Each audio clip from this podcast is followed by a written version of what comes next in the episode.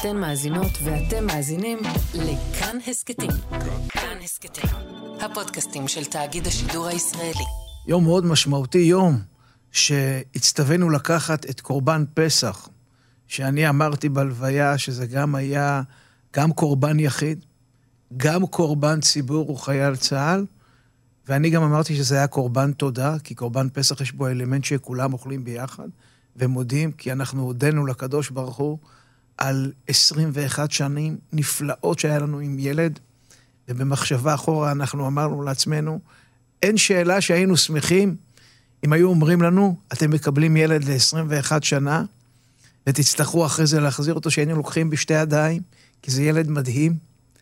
אה, כמו כל הילדים שלנו, אבל באמת יש לו אור מיוחד. רגע, אני רק רוצה אה, להבין.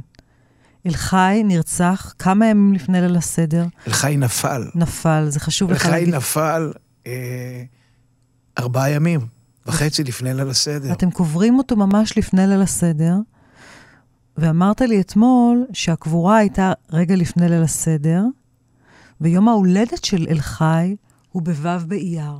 נכון. שזה יום אחרי יום העצמאות. ממש ככה. יום אחרי ה' באייר. כלומר, הטרגדיה האיומה הזו של המשפחה יושבת בדיוק על שלושת השבועות הלאומיים האלה. נכון. שזה קשה מנשוא. נכון. היי, אני ליאת רגב. אני שמחה להציג לכם את ההסכת החדש שלי, בזמן הזה. כבר שנים שאני קוראת בתנ"ך בעיניים של אישה חילונית, ומתפעמת בכל פעם מחדש איך ההיסטוריה חוזרת על עצמה, ואיך כל מה שאנו חווים כאן בישראל בשנות האלפיים היה וקרה כבר לאבותינו, בתנ"ך, מה שנקרא בימים ההם, בזמן הזה. מזה בדיוק גזרנו גם את השם של ההסכת, שבו ננסה להבין גם האם אנחנו מפרשים היום נכון מצוות, הלכות ובכלל דברים שקרו או ניתנו לפני אלפי שנים. היום, רגע לפני יום הזיכרון ויום העצמאות, אני מארחת לשיחה את הרב אוהד תהרלב, אב שכול שאיבד את בנו, אלחי, זכרו לברכה, בפיגוע דריסה. הרב תהרלב, בניגוד לרבנים רבים אחרים, מעודד בנות דתיות לשרת בצבא, וגם פיתח מסלול מיוחד לבנות דתיות בצה"ל. כשאני אומרת לו שבתנ"ך אין נשים לוחמות, הוא מראה לי שדווקא יש. זו רק שאלה של פרשנות. שלום לרב אוהד תהרלב. שלום ליאת. ראש מדרשת לינדנבאום, לבנות, ומחבר הספר האגדה והלב, 40 קריאות באגדות חז"ל, ספר שיצא לאור ממש כעת.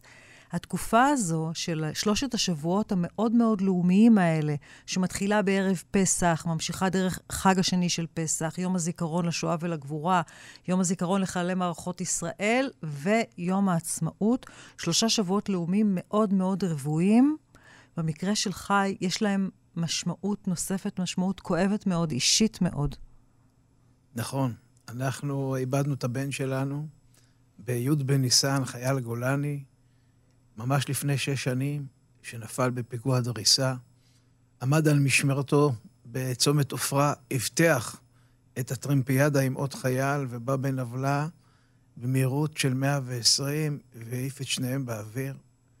Uh, הבן שלי, עם uh, כוס קפה וקורסון שהוא מגיש לחבר שלו, קיבל uh, מכה חזקה מאוד וצנח על סלע. לא ברור ממה, אבל הוא די מהר uh, החזיר את נשמתו לבורא. ממש י' בניסן זה תאריך מאוד מאוד משמעותי בשבילנו. למה? י' בניסן הוא מקבילה לי' בתשרי. יום הכיפורים? יום הכיפורים, כן. אם אנחנו נמצאים בחודש ניסן, ראש חודשים הוא לחודשי השנה, לפי יציאת מצרים, המקבילה של תשרי. כי נזכיר שניסן היה בתקופת יציאת מצרים החודש הראשון, הראשון. והיום תשרי הוא החודש הראשון נכון, בלוח השנה העברי. נכון. איך אתה נכנס לשלושת השבועות הקשים האלה, שהם כל כך קשים השנה וכל כך טעונים מבחינה ציבורית ואישית ופרטים, ואנחנו שומעים את המשפחות השכולות קוראות לפוליטיקאים שלא להגיע לבתי הקברות. איך אתה, מתוך החוויה שלך, נכנס השנה אל הימים האלה? בתור אחד שחווה את ההתנתקות, אה, אנחנו עושים, פה, עושים לנו פה התנתקות בעם. עושים לנו פה גירוש של חצי עם. והקרע הזה הוא מדיר שינה מעיניי, ולכן אמרתי לעצמי, מה אני יכול לעשות? אז הלכתי לפוליטיקאי הזה ולפוליטיקאי הזה, וליאיר לפיד להתחנן בפניהם שפשוט ישבו לדבר אחד עם השני. לא לחינם דם ילדינו נשפך, לא לחינם ילדינו קבורים בבתי הקברות הצבאיים. הם מסרו את נפשם בשביל מדינת ישראל, בשביל שיהיה לנו עתיד, ובקצב הזה העתיד לא נראה. לא משנה פה מי צודק, פשוט צריך להיות חכם. ואני מאוד מקווה שהפוליטיקאים יבינו, ומישהו שם יבין, מי שעומד שם בראש הפירמידה, שזו אחריות שלו. ההתנגשות הזאת של שתי הרכבות, שרכבת של רשות אחת אה, נכנסת ברשות השנייה, אם לא נעצור את זה, פשוט שתי הרכבות ייפלו לתהום. אתה מרגיש שההתנתקות עכשיו, ואתה התנגדת, התנגדות נחרצת להתנתקות מגוש קטיף. העמודות הפוליטיות שלך נמצאות בצד הימני של המפה, אתה גר ביהודה ושומרון, אתה התנגדת להתנתקות מגוש קטיף. מה שקורה לנו היום חמור וקשה יותר מההתנתקות מגוש קטיף? ממש ככה, הרבה יותר חמור. כי מה שקרה אז, המדינה המשיכה. אז אמנם לחצי מהעם זה היה נורא ואיום ושבר קשה מאוד. אבל היסודות שעליהם המדינה קיימת המשיכו. היום הולכים לערער פה. עכשיו, אני אומר עוד פעם, אני בכלל לא נכנס לשאלה מי צודק. אני בכלל לא נכנס לשאלה שיש פה איזשהו שד שנפל עלינו ועובד ממעמקי התת-מודע הקולקטיביים שלנו. מה זאת אומרת? איזה שד עולה ממעמקי התת... יש איזשהו שד שאני רואה את האנשים ואת המנהיגים עושים ופועלים כאילו כפאם שד. רצים בריצת אמוק, מחוקקים חוקים, שגם אם לשם זה הם נבחרו, חוסר החוכמה בהעלאת החוקים, זעזוע המערכות, הוא כל כך לא במקום. ומתוך זה אנחנו נכנסים לחג החירות, חג הפסח, חג האביב, שאני בטוח שיש כאלה שיגידו, זה האביב שלנו. יום הזיכרון, יום כל כך טעון, היום היחיד בשנה שמייצר סולידריות, שעדיין מייצר סולידריות בחברה הישראלית, והנה את היום הזה הולכים לפגוע בו. יבואו פוליטיקאים לבתי הקברות. אני כבר רואה מה יש שם, איזה צעקות, לא משנה מאיזה צד. ההתחלה של זה הייתה כבר שנה שעברה, שבנט הגיע לטקס ביום הזיק... בהיכל הזיכרון, שאנשים צעקו. השנה, מי יודע מה יהיה? מימין ומשמאל. אנחנו נוכל לחגוג את יום העצמאות השנה? יש משמעות למילה חג העצמאות של מדינת ישראל השנה? אנחנו חייבים. חייבים? חייבים, בגלל שאם ניקח את ה... הייתה לנו מלחמת עצמאות, שה' באייר התחיל, גם עכשיו יש פה איזושהי מלחמת עצמאות. כלומר, מדינת ישראל בשנתה ה-75 חווה שוב מלחמת מלחמה. עצמאות. רק הבעיה היא שהפעם זאת, אני לא... נפחד ונרעד להגיד את המילה הזאת, אבל זה מלחמת עצמאות פנימית. עברנו מבחוץ פנימה. עכשיו אני רוצה רגע ללכת אליך. ולחזור למקרה הפרטי שלך. כי אתה לקחת את האסון הנורא באמת שקרה לך, האסון הנורא מכל, אובדן בן, והפכת להיות עוד יותר ציוני. ואתה בוחר כל השנים בחירה של ציונות ובחירה של להשקיע במדינת ישראל וללכת בכיוון הציוני, אבל בחרת בחירה מאוד מעניינת. אתה הולך בנתיב, שאני לא מכירה הרבה רבנים שהולכים בנתיב הזה, שנקרא אה, פמיניזם ציוני. שזה עניין מאוד מעניין, פמיניזם ציוני. ואתה במדרשה שלך מכשיר ומעודד נשים, בנות, בנות צעירות, לשרת בצבא ההגנה לישראל, שזה מנוגד לחלוטין לעמדות של הרבה מאוד רבנים שמתנגדים התנגדות נחרצת. רוב הרבנים, תקן אותי אם אני טועה, מתנגדים לשירות של בנות בצה"ל.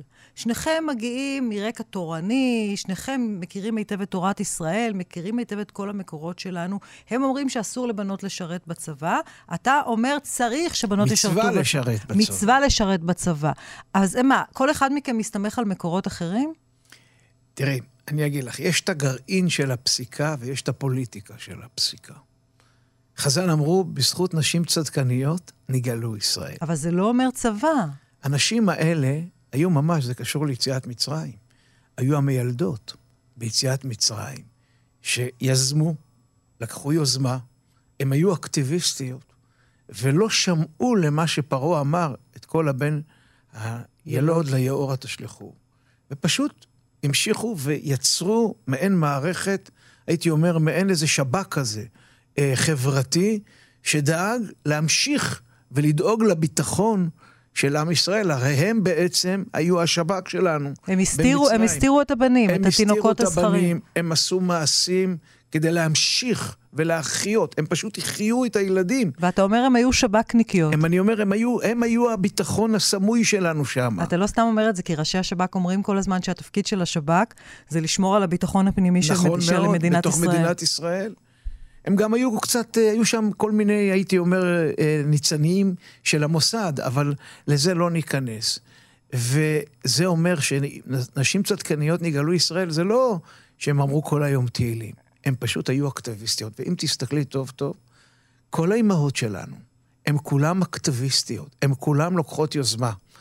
הן כולן קמות ועושות מעשה. משרה, שקשה לה לראות מה קורה בבית, אפשר להתווכח, טוב, לא טוב.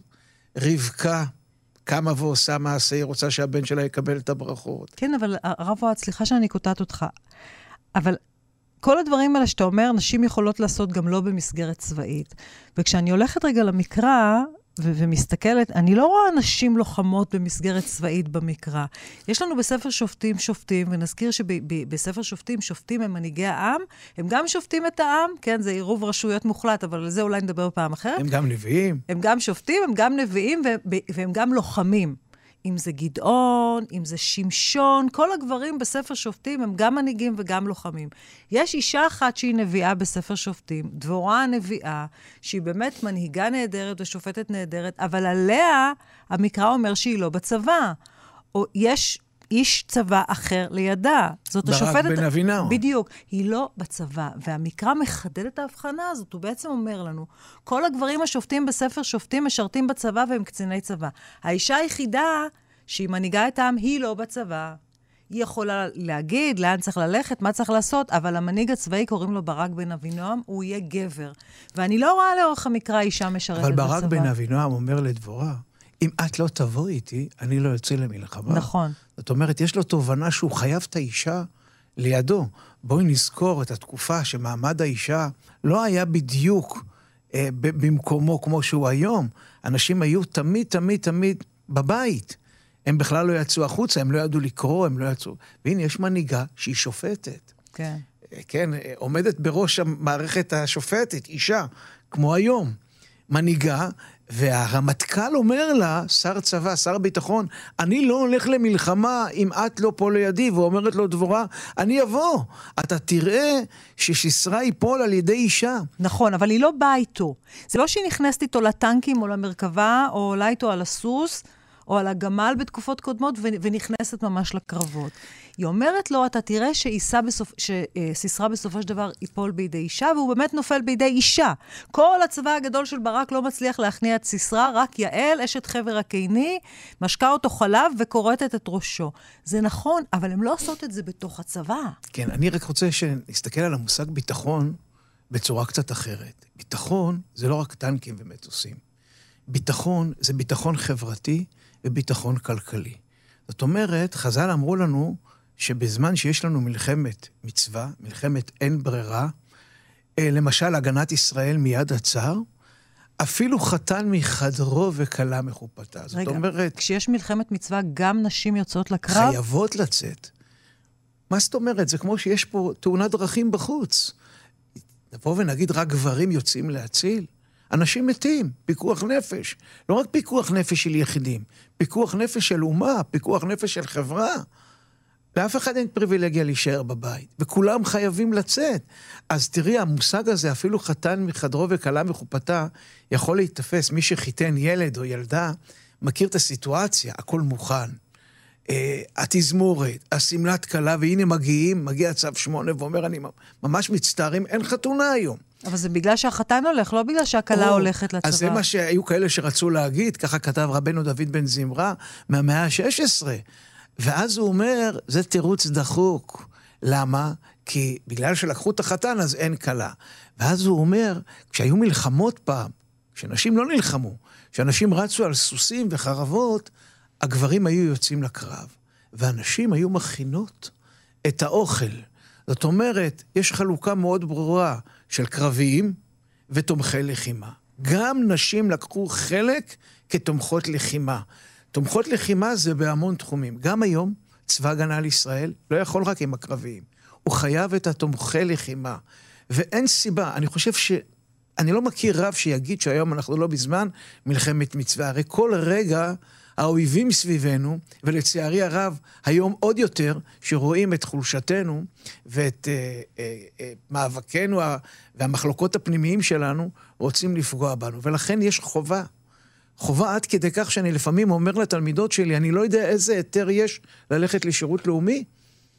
מה זה ללכת לשירות לאומי? התשובה היחידה שאני אומר, כי זה גם תרומה לביטחון חברתי. העורף הוא ביטחון לא פחות חשוב. אבל אתה מעדיף שבנות ילכו לשרת בצבא כן. מאשר שירות לאומי? אני אגיד לך גם למה, חד וחלק.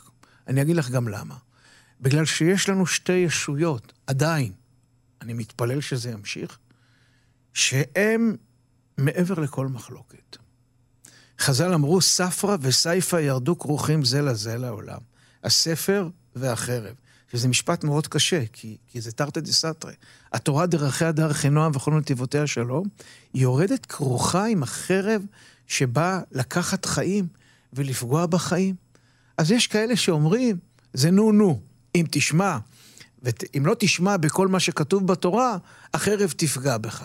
אבל אני חושב שזאת ראייה שטחית. הראייה העמוקה, יש שתי ישויות שהאל מתגלה בהן. ככה אני מאמין כאדם דתי. בית המדרש, ארון הספרים היהודי, הטקסטים האלה שקיבלנו בהר סיני, וצבא ההגנה לישראל. שתי ישויות שמעבר לכל מחלוקת עדיין, גם אם היום אנחנו רואים שהם חשובים לכל היהודים בעולם. דרך אגב, גם לחרדים. רק הם מפחדים לקחת חלק מזה מסיבות חינוכיות. חשובים, גם החרדים יצביעו בשביל צבא הגנה לישראל. כולם רוצים שצבא הגנה לישראל יצליח. שתי ישויות מעל הכל. אני חושב שכל היהודים מחוברים בצורה כזאת או אחרת לארון הספרים היהודי, זה התרבות שלנו. כן, אבל בתוך החרדים האלה, לא רק, לא ניכנס עכשיו לשאלת גיוס חרדים, אבל אם נתמקד רגע בשאלת בנות, גם אם כל מה שאתה אומר זה נכון, רוב הרבנים, תקן אותי אם אני טועה, אומרים שבתוך הדבר הזה בנות לא מתגייסות לצבא. בסדר, יהיה צבא כמו שאתה אומר, אבל הוא יהיה צבא של גברים. תראי, קודם כל, יש כבר היום בנות חרדיות שמתגייסות לצבא. זאת אומרת, יש תהליך שקורה בחברה, שנשים, המאה שלנו היא מאה, ש... מאה נשית, היא מאה של נשים. מעמד האישה, גם בציבור החרדי הוא קיים. נשים, נשים היום הן מאוד אקטיביסטיות בחברה החרדית. אבל אם זה קורה היום, ואם, אז איך אתה מסביר את העובדה שבספר הספרים שלנו זה לא קרה? למה אישה הייתה יכולה להיות מנהיגה? אבל היא לא הייתה יכולה לשרת בצבא, היא הייתה צריכה רמטכ"ל לידה שהוא זה שיוביל את העם לקרב. זה לא איזשהו מסר שאנחנו אמורים להישען עליו, מה שכתוב במקרא? תראה, המסר הוא שאנחנו צריכים, המסר שחז"ל ראו, וזה מה שהם טענו, שכל כבודה בת מלך פנימה. אישה צריכה להיות בבית, אבל אישה לא צריכה להיות בבית. זאת אומרת, זה היה פעם. העולם מתקדם. זאת אומרת, אני מאמין שבבריאת העולם היה שוויוניות מלאה. קרה מה שקרה, והשוויוניות הזאת לא יצאה לפועל. ויש תהליך בעולם שעתידה הלבנה, שהיא משולה לאישה, להאיר כמו החמה לעתיד לבוא. וחלק מהתפיסה הזאת זה באמת הצד הנשי שבעולם שהולך וגדל. לא רק הנשים, אלא כל הצד הנשי שהולך וגדל. רגע, אני רוצה רגע בציטוט הנהדר הזה שהבאת. עתידה לבנה להאיר, כמו חמה. נשים אמורות להעיר כמו גברים. נכון. זה, זה המצאה. מהיכן לקוח הציטוט הזה? זה לא הציטוט שלי, זה ציטוט של, אה, של ישעיהו הנביא, שאור הלבנה יאיר כאור החמה. זאת אומרת, זה מופיע, מופיע במקרא. מופיע במקורות, ובקבלה מאוד לקחו את זה קדימה, שהצד הנשי שבעולם יהיה מאוד מאוד ילך ויגדל, ונגיע לשוויוניות הזאת שבין אור השמש, שהוא כביכול האור הזכרי, כן? עם אור הלבנה, שהיא תמיד מקבלת את הלבנה, והנה, שתי האורות האלה יאירו אותו דבר. זאת אומרת, העולם עובר, העולם הולך קדימה. אז הרב אוהד, למה כל כך הרבה רבנים מתנגדים לשירות נשים בצה"ל, מטעמים של צניעות, מטעמים של הפרת ה... השוני שאמור להיות בין גבר לאישה. למה הם כל כך מתנגדים? מה, הם לא קראו את המקורות האלה שאתה מדבר עליהם? קודם כל, זה סיבות חינוכיות, זה לא סיבות אבל הלכתיות. אתה אומר שזה כתוב בחז"ל. כן, אבל... במלחמת אבל- מצווה, אבל- איש- אפילו אישה מחופתה. תראי מה קורה פה. ופה אני חלוק על אה, חבריי הרבנים. רבנים הם בדרך כלל מנהיגים שמובלים ולא מובילים. רבנים, כן. שהם מנהיגי העדות, הם, הם מובלים ולא מבהילים. אני אסביר למה ולא אני... מובילים, אתה אומר. ולא מובילים. אתה אומר פה דבר אני... מאוד קשה. נכון. כי באיזשהו מקום, כשיש, תראי, פוסק, צריך שיהיה לו בארגז הכלים שלוש כלים. אחד, לדעת לקרוא טקסטים, הדבר השני, לדעת לקרוא את המציאות, והדבר השלישי, לחבר ביניהם. הרבה פעמים פסקי הלכה הם תגובה לדברים שקורים במציאות. מה קורה אם ככה וככה. אני חושב שמנהיג צריך להוביל, לייצר מציאות. אני כל חיי עסוק בבניית מסלולים לבנות דתיות בצבא, כדי שיהיה אפשרי גם לבנות לשרת בצבא. עכשיו, אני אגיד משהו כרב ציוני דתי. לא יכול להיות בציונות הדתית, לא המפלגה, המגזר הרחב, שתמיד ראה ערך עצום בגיוס לצבא, והצבא הוא קדוש, שנשים חצי מהעם יודרו. זאת אומרת, אמרתי פעם לחבריי, מה שמוגדרים הרבנים החרד"לים, הרי אתם מחנכים ואומרים שכולם חייבים ללכת לצבא. אז מה אתם חושבים שזה ייעצר בבית? רק אצל החלק הגברי ולא החלק הנשי? בשום אופן לא. אם את היית יודעת כמה בנות של רבנים חרד"לים הולכים לצבא, כמה מתקשרים אליי ומבקשים ממני, תעזור פה ותעזור שם, קורה תהליך של נשים, זה כבר סיפור פסה. פעם זה היו כמה מאות, היום זה כבר אלפים. אבל זה מדהים, כי אתה אומר בעצם, זו שאלה על מה אתה מסתמך במקורות. אתה בחרת להסתמך על הפסוק המקסים הזה מספר ישעיהו, שיגיע היום, שלבנה תאיר כחמה, אישה תאיר ותפעל ותהיה שוויונית לגבר. אבל יש רבנים אחרים שמסתמכים על כבודה בת מלך פנימה. כן, אבל- ואז זה לוקח אותם למקום אחר לגמרי של כבודה פרשנות. בת מלך פנימה צריך להתמודד עם מלחמת מצווה. מה שאני מביא זה... מה שאמרו חז"ל. פסקת, פס- פסק של הרמב"ם בהלכות מלכים, בעקבות דברי הגמרא, שבזמן מלחמת מצווה, אפילו חתן מחדרו וכלה מחופתה. אז אפשר להסביר, כמו שרצית להסביר בהתחלה, שאם לוקחים את החתן, אז ממילא הכלה כבר אין לה חופה. אבל אני חושב שהכוונה היא ממש ככה. אני אספר לך שהיה יהודי פעם במגזר החרדי שקראו לו הרב זבין. והרב זבין פרסם מכתב בעקבות הסיפור הזה של בן גוריון, שהם ביקשו להשתחרר מהצבא. הוא פר- החרדים? החרדים, הוא פרסם מכתב בעילום שם. ואז הוא הביא את מה שאמרתי, שאם יש תאונת דרכים, מישהו יעלה בדעתו לא לקחת חלק בזה? מה נגיד? הוא היה חרדי? הוא היה חרדי. והוא יצא בעצם נגד העמדה של נכון, כי החרדים, הוא, היה נגד לו העמדה קשה של לקבל הקהילה את שלו. התפיסה הזאת. וגם אני, היום אני חושב, מה שהחרדים מנסים לעשות, אני הקטן, שרוצים לחוקק חוק יסוד לימוד תורה, זה חוק לא דתי, למה? זה חוק חילול השם. זה... כי גם... חוק יסוד, חוק יסוד לימוד תורה זה חוק חילול השם? ממש ככה. כי יש חובה דתית, מילא אתה רוצה לא לבנות, אבל יש למישהו פטור מלקחת ולשאת בעול בשמירה על ביטחון מדינת ישראל? לא משנה מה אתה עושה. כולם חייבים לשאת בעול. אני לא מדבר על המקום המוסרי רק, שחברות מאוד מסוימות קבורות בבתי קברות הצבאיים. שזה נשאיר את זה בצד, אני מדבר בתור חובה דתית. כשיש לי מלחמת מצווה, מלחמת אין ברירה, כולם חייבים לקחת חלק. אין לנו פריבילגיה, לא. ואם אתה בא לפתור חלק מסוים, זה אקט לא הלכתי. בדיוק כמו שמעודדים בנות דתיות ללכת להצהיר, וללכת להגיד שהן לא הולכות לצבא בגלל סיבות דתיות, ובערך 70-80 אחוז, אין להם שום בעיה ללכת לצבא. ותראי מה עושים המחנכים. הם מחנכים את הבנות לעשות אקט לא דתי, לא הלכתי, כי בעצם את מרמה, משקרת את עצמך ואת החברה. זאת אומרת, נוצרה פה חברה שהיא לא כנה. ואני רוצה להזכיר לכולנו שאחד מהיסודות הבסיסיים ביותר, חותמו של האל, זאת האמת. והכנות, אותנטיות, היא הבסיס. בלי זה אי אפשר לבנות חברה, אי אפשר לבנות אמון בין בני אדם. שאלתי אותך אתמול, אבל למה בחרת בנתיב הזה? זה כאילו לא ברור מאליו שתלך לפמיניזם ציוני ותילחם נגד, נגד הזרם, בוא נגיד ככה. לא, לא, לא בציונות הדתית בהכרח, אבל בכלל. ואמרת לי אתמול, אז תקראי קצת על אימא שלי. הדבר הזה שלך, של להילחם כל חייך למען זכויות נשים וקידום נשים ושוויון בין נשים וגברים, מגיע מהבית, מהסיפור הקשה שאימא חוותה. כי אימא שלך בעצם עוזבת את הדת, נכון? באיזשהו שלב. אימא שלי, אה, דתל"שית, מה שנקרא, כשהייתי בגיל 13, אז כמעט, והתופעה לא הייתה קיימת, אם בכלל הייתה קיימת. זאת אומרת, אנחנו מדברים על לפני 70 שנה, בערך. אה, סליחה, לא לפני 70 שנה, אה, לפני 70 שנה אימא שלי הייתה בת 13, אבל לפני 44 אה, שנים, כשאני הייתי בן 13... מה קרה? למה אימא שלך עזבה את הדת? אימא שלי היא אומנית, אימא שלי הרגישה שהדת, אה, קיום המצוות, מיצר את צעדיה, את עולמה הרוחני. אבל זה לא רק זה, היא הוציאה ספר, היא הוציאה ספר עם סיפורים, נכון?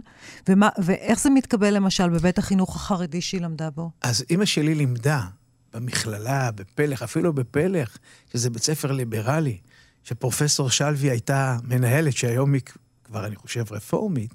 אבל בית ספר קשה, דתי. בית ספר דתי, היה, לה, היה להם קשה להכיל. אה, אימא שלי הוציאה מקבץ סיפורים על המקווה, על ליל הטבילה, שזה היה גם תעוזה מאוד גדולה. אימא שלי יוצרת, אימא שלי אומנית. היא הוציאה ספר בעצם אינטימי, נכון? נכון, שעוסק בעולם האינטימי. ואיך הם קיבלו אותו? היה להם מאוד קשה, והם uh, סילקו אותה, ובעצם הוציאו אותה, מ... היא הפסיקה ללמד באותם מקומות. היא יצאה גם לפנסיה. אותה, הם סילקו אותה מבית כן, הספר? כן, סילקו אותה. בגלל הספר? בגלל הספר. מה, מהמכללה לבנות סילקו אותה. אה, מכללה לבנות זה מכללה קצת יותר חרדית. כלומר, אה, סילקו אותה לא מבית כן. ספר אחד. אימא שלי הייתה, אימא שלי מורה מדהימה, אימא שלי מורה אולי הטובה ביותר. אני למדתי ממנה הרבה מאוד, תלמידות שלה, אבל כן, היה להם קשה לאכול את אימא שלי. ואפרופו בפרפרזה, שאלת אותי מקודם אה, למה הרבנים קשה להם, אני חושב שיש פה איזשהו מאבק סמוי בין המינים של העולם הגברי. מאוד קשה שהעולם הנשי נכנס למרחב שהוא תמיד היה בו מצטיין. וזה מרחב ארון הספרים היהודי. זה גם המרחב שנתפס כאילו כמרחב גברי. הלימוד, אה, הלימוד, אבל גם בצבא הגנה לישראל. שזה מרחב מאוד גברי, והנה באות נשים ונכנסות. ואני תמיד אומר שלנשים, אני מתלבט בשאלה עד איפה אפשר לפתוח את הצבא לנשים. נשים מסוגלות להכל, לא פחות מגברים. Okay. אוקיי. השאלה אם חכם, אה, היום בצבא הקיים, שהוא אמור להיות צבא העם, לפתוח את הכל לנשים. כי אני הייתי מעוניין שגם חרדים ישרתו בצבא. אוקיי. ואם אני מעוניין שחרדים ישרתו בצבא, אז יכול להיות שכל אחד צריך ללכת צעד אחד אה, אחורה. מה יש לך לומר לנו בחג העצמאות הזה, שיש תחושה שהוא חג שונה לחלוטין? מכל חגי העצמאות שידענו כאן, חג העצמאות הזה, 75 במספר, הוא שונה, הוא אחר. אנחנו יכולים להיות אופטימיים? מאוד. יש לי ברית דמים עם הארץ הזאת, עם המדינה הזאת, עם העם שלי. ואני יכול לומר שחצי כוס המלאה יותר גדולה מחצי כוס הריקה. תראי מה זה, מעמד האישה ב... ביהדות, בחברה בישראל, לא היה דבר כזה. תראי כמה שפע יש לנו. עם כל הצרות ועם כל הקשיים, לא היה לנו תקופה יותר טובה. יש לנו פחדים, יש לנו טראומות, אבל אין ספק שחצי כוס המלאה היא הרבה יותר גדולה, ואני מרשה לעצמי להגיד, גם במישור האישי וגם במישור החברתי, אנחנו הרבה יותר עצמאיים בחשיבה, בפתיחות, בליברליות, גם האינטלקטואלית, אבל גם הלב. הלבבות יותר פתוחים, ולפעמים אני חושב שהכאב, אני אומר את זה מההסתכלות האישית שלי, מגיע כדי שנייצר יותר חמלה בעולם. הוא נוגע לנו בלב, ואת יודעת, אני ב, במילואים, קצין נפגעים, מלווה משפחות שכולות, ואני רואה שהמין הנשי הוא המין החזק, הוא מחזיק מעמד. במשפחות האלה? במשפחות האלה. הגברים לא שורדים, כי נשים בוכות. ומי שבוכה, הלב שלו רך. מי שלא בוכה, הלב שלו קשה, והוא יכול להישבר לשניים. ויותר חמלה, יותר שוויוניות, יותר מודעות לאנשים עם צרכים מיוחדים. אנחנו חברה שהיא יותר חומלת, ולכן יש לנו מספיק סיבות טובות לחגוג 75 שנות עצמאות, גם במישור הכללי, אבל גם במישור הפרטי. אני אומר, החצי כוס מלאה יותר גדולה.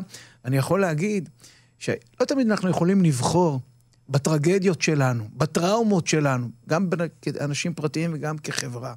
אבל אנחנו צריכים לבחור, יכולים לבחור איך להתייחס למה שקורה. בואו נתבונן בעין טובה אחד על השני. בואו נתבונן בעין טובה בין רשות אחת לשנייה. בואו נהיה במקום של חברה יותר חומלת, יותר רכה, וממילא נזכה שבכלל הכוס תהיה מלאה לגמרי. תודה רבה, ובעזרת השם, ברכות למדינת ישראל. אני מאוד מודה לך על השיחה המרתקת הזאת. תודה רבה לך. בבקשה, ובשורות ואמ... טובות. אמן, ושיהיה לנו יום עצמאות שמח. אמן ואמן.